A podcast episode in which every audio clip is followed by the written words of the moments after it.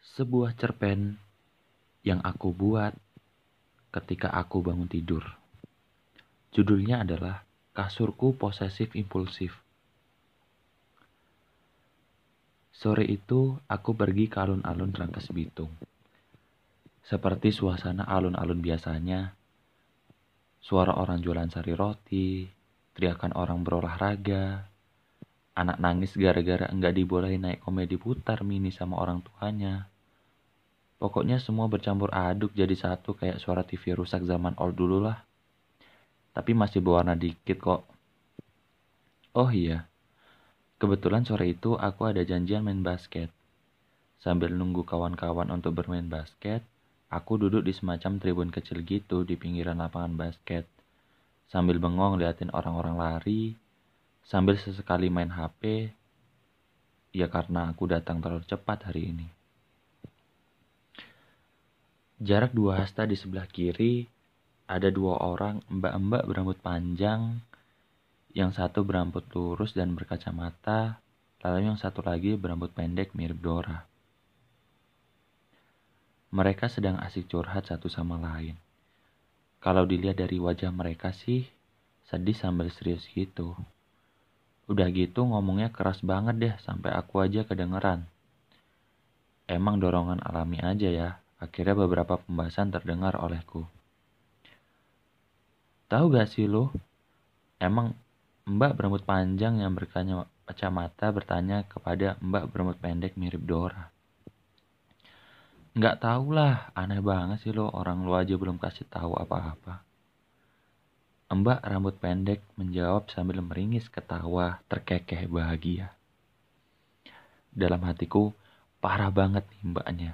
Udah tahu lagi serius, malah dipercandain.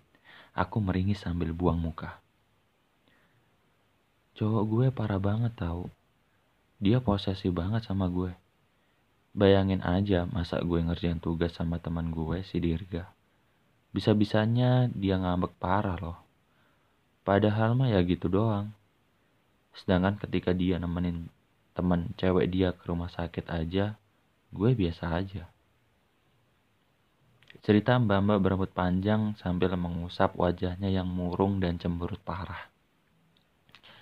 Lalu kemudian ketika si mbak-mbak rambut mirip Dora mau menjawab, tiba-tiba sebuah bola mendarat tepat di atas kepalanya. Aku ngakak parah si waktu itu dalam hati berkata, tarik nafas dalam-dalam, please jangan ketawa. Nggak lucu aja kalau aku ketawa tiba-tiba. Pasti respon mereka bakal aneh banget. Setelah empat detik menarik nafas dan empat detik menghembuskannya, akhirnya lega juga nggak jadi ketawa. Alhamdulillah belajar pernafasan hari ini. Aku berbisik dalam hati sebelah kiriku. Sambil berteriak si mbak-mbak rambut mirip Dora berkata, Woi, lihat-lihat dong kalau main endang bola. Sambil membuang bola ke arah yang lebih jauh. Aku berkata dalam hati, parah banget si mbak-mbak ini. Bisa-bisanya berubah jadi galak.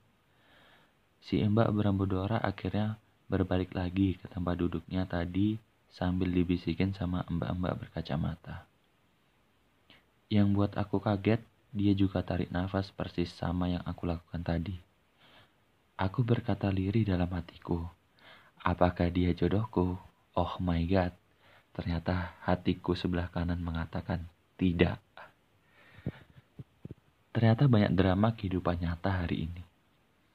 Ketika semua sudah kembali normal, si mbak-mbak berambut Dora ini memberikan nasihat ke kawannya yang bisa aku konklusikan bahwa dia memberikan nasihat kawannya tadi untuk bersabar terus.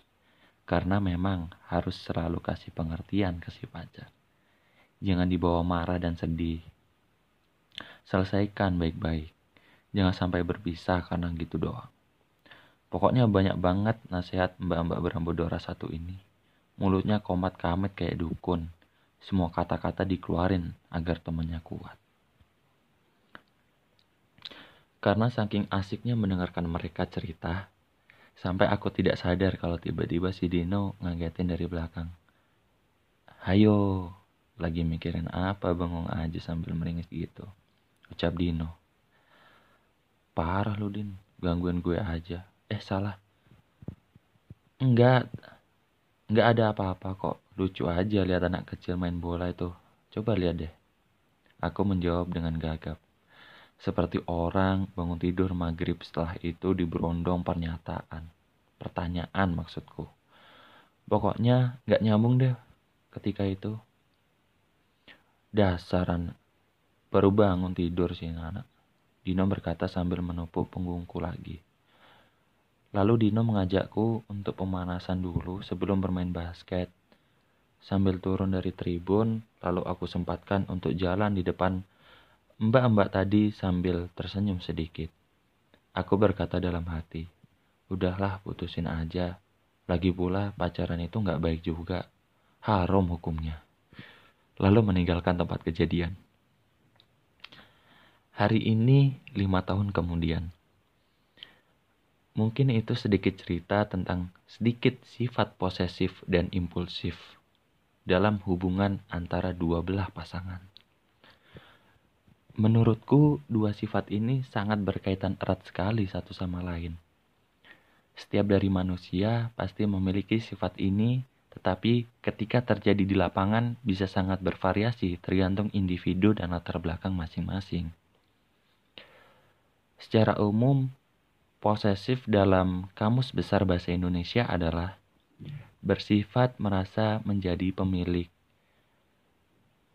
mempunyai sifat cemburu atau bisa juga dijelaskan sebuah rasa memiliki yang berlebihan sehingga membuat seorang berhak mengatur, membatasi, serta melarang pasangannya untuk bertindak sesuatu. Sedangkan impulsif adalah ketika seorang bertindak begitu saja berdasarkan instingnya. Ngomong-ngomong, ternyata bukan manusia saja yang punya sifat posesif dan impulsif. Tetapi kasur di rumahku juga punya kok. Bahkan posesif banget daripada manusia. Bayangin aja kasur itu bisa membuat empuk dirinya sendiri sehingga manusia yang berbaring di atasnya merasa nyaman. Apalagi kalau anggota kasur sudah lengkap seperti selimut, bantal, dan guling. Makin membuatku bisa tak berdaya dibuatnya. Seakan-akan dia melarang kita untuk bangun untuk berkegiatan di esok hari. Pokoknya manusia harus tetap terlelap seribu tahun kalau bisa itu yang selalu digaungkan oleh kasur. Tidur, tidur, tidur. Memang aku mengakui kasur itu mempunyai insting untuk bertindak posesif yang sangat kuat. Bahkan magnet buatan manusia saja kalah dibuatnya. Kasur, kok kamu nyaman sekali sih? Aku bertanya. Ternyata yang ada hanya kesunyian saja, seperti dia berbisik lirih. Sudah diam, pejamkan mata, dan bermimpilah yang indah. Lalu dengan sepersekian detik, koma nol nol nol, mataku sudah kembali tertutup. Pokoknya aku sangat terbuai sekali oleh kenyamanannya. Di atas ini adalah sedikit cerita kalau kasur lagi punya insting posesif kasih sayang yang berlebihan. Tapi lihat aja kalau dia sudah tidak merasa memiliki lagi. Akhir malam-malam ini, aku serasa tidur di atas duri dan tenggelam di bawah air. Kenapa? Coba bayangin aja aku tidak bisa tidur dibuatnya. Kasur mulai berteriak, Hei, mudah sekali kamu tidur hari ini. Aku akan membuatmu seperti tidur di atas duri. Ingat, kamu tidak akan pernah bisa tidur malam ini. Kalau lagi masa-masa seperti ini, rasanya Pengen melek terus mataku. Memejamkan mata sedikit saja, kasur sialan ini berbisik dalam angan-angan. Jangan tidur dulu. Pikirkan dulu tindakan bodohmu tadi siang. Coba nonton film dulu sana. Main dulu sana sama teman-teman. Kasihan mereka nggak diajak main. Ini masih pagi. Baru jam 12. Kan masih pagi. Cobalah tidur nanti jam 1, jam 2, jam 3. itu baru waktunya tidur. Sekarang mah masih pagi. Seketika aku merasa kok kasurku menjadi syaiton begini ya. Astagfirullah. Dasar kamu kasur. Sudahlah, selamat tinggal kasur. Heads, bercanda. Demikianlah sedikit cerita tentang kasurku yang posesif, impulsif. Mau baik dan seburuk apa pun, dia tetap kasurku yang aku cintai karena dialah yang membantuku bertumpu ketika sedang ingin beristirahat. Yang selalu ada ketika susah dan senang. Dialah sebagai bukti aku pernah bermimpi seram dan indah.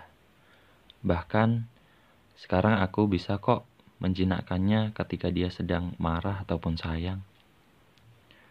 Tipsnya yang pertama adalah bacalah ayat kursi, lalu baca surat Al-Ikhlas, Al-Falak, dan Anas. Masing-masing dibaca tiga kali dan ditutup dengan doa menjelang tidur. Bismika Allahumma ahya wa amut. Lalu, jangan lupa berniat untuk bangun malam dan sholat subuh. Insya Allah, kasurmu akan mengikutimu, bukan kamu yang mengikuti kasurmu. Dasar kamu manusia bodoh.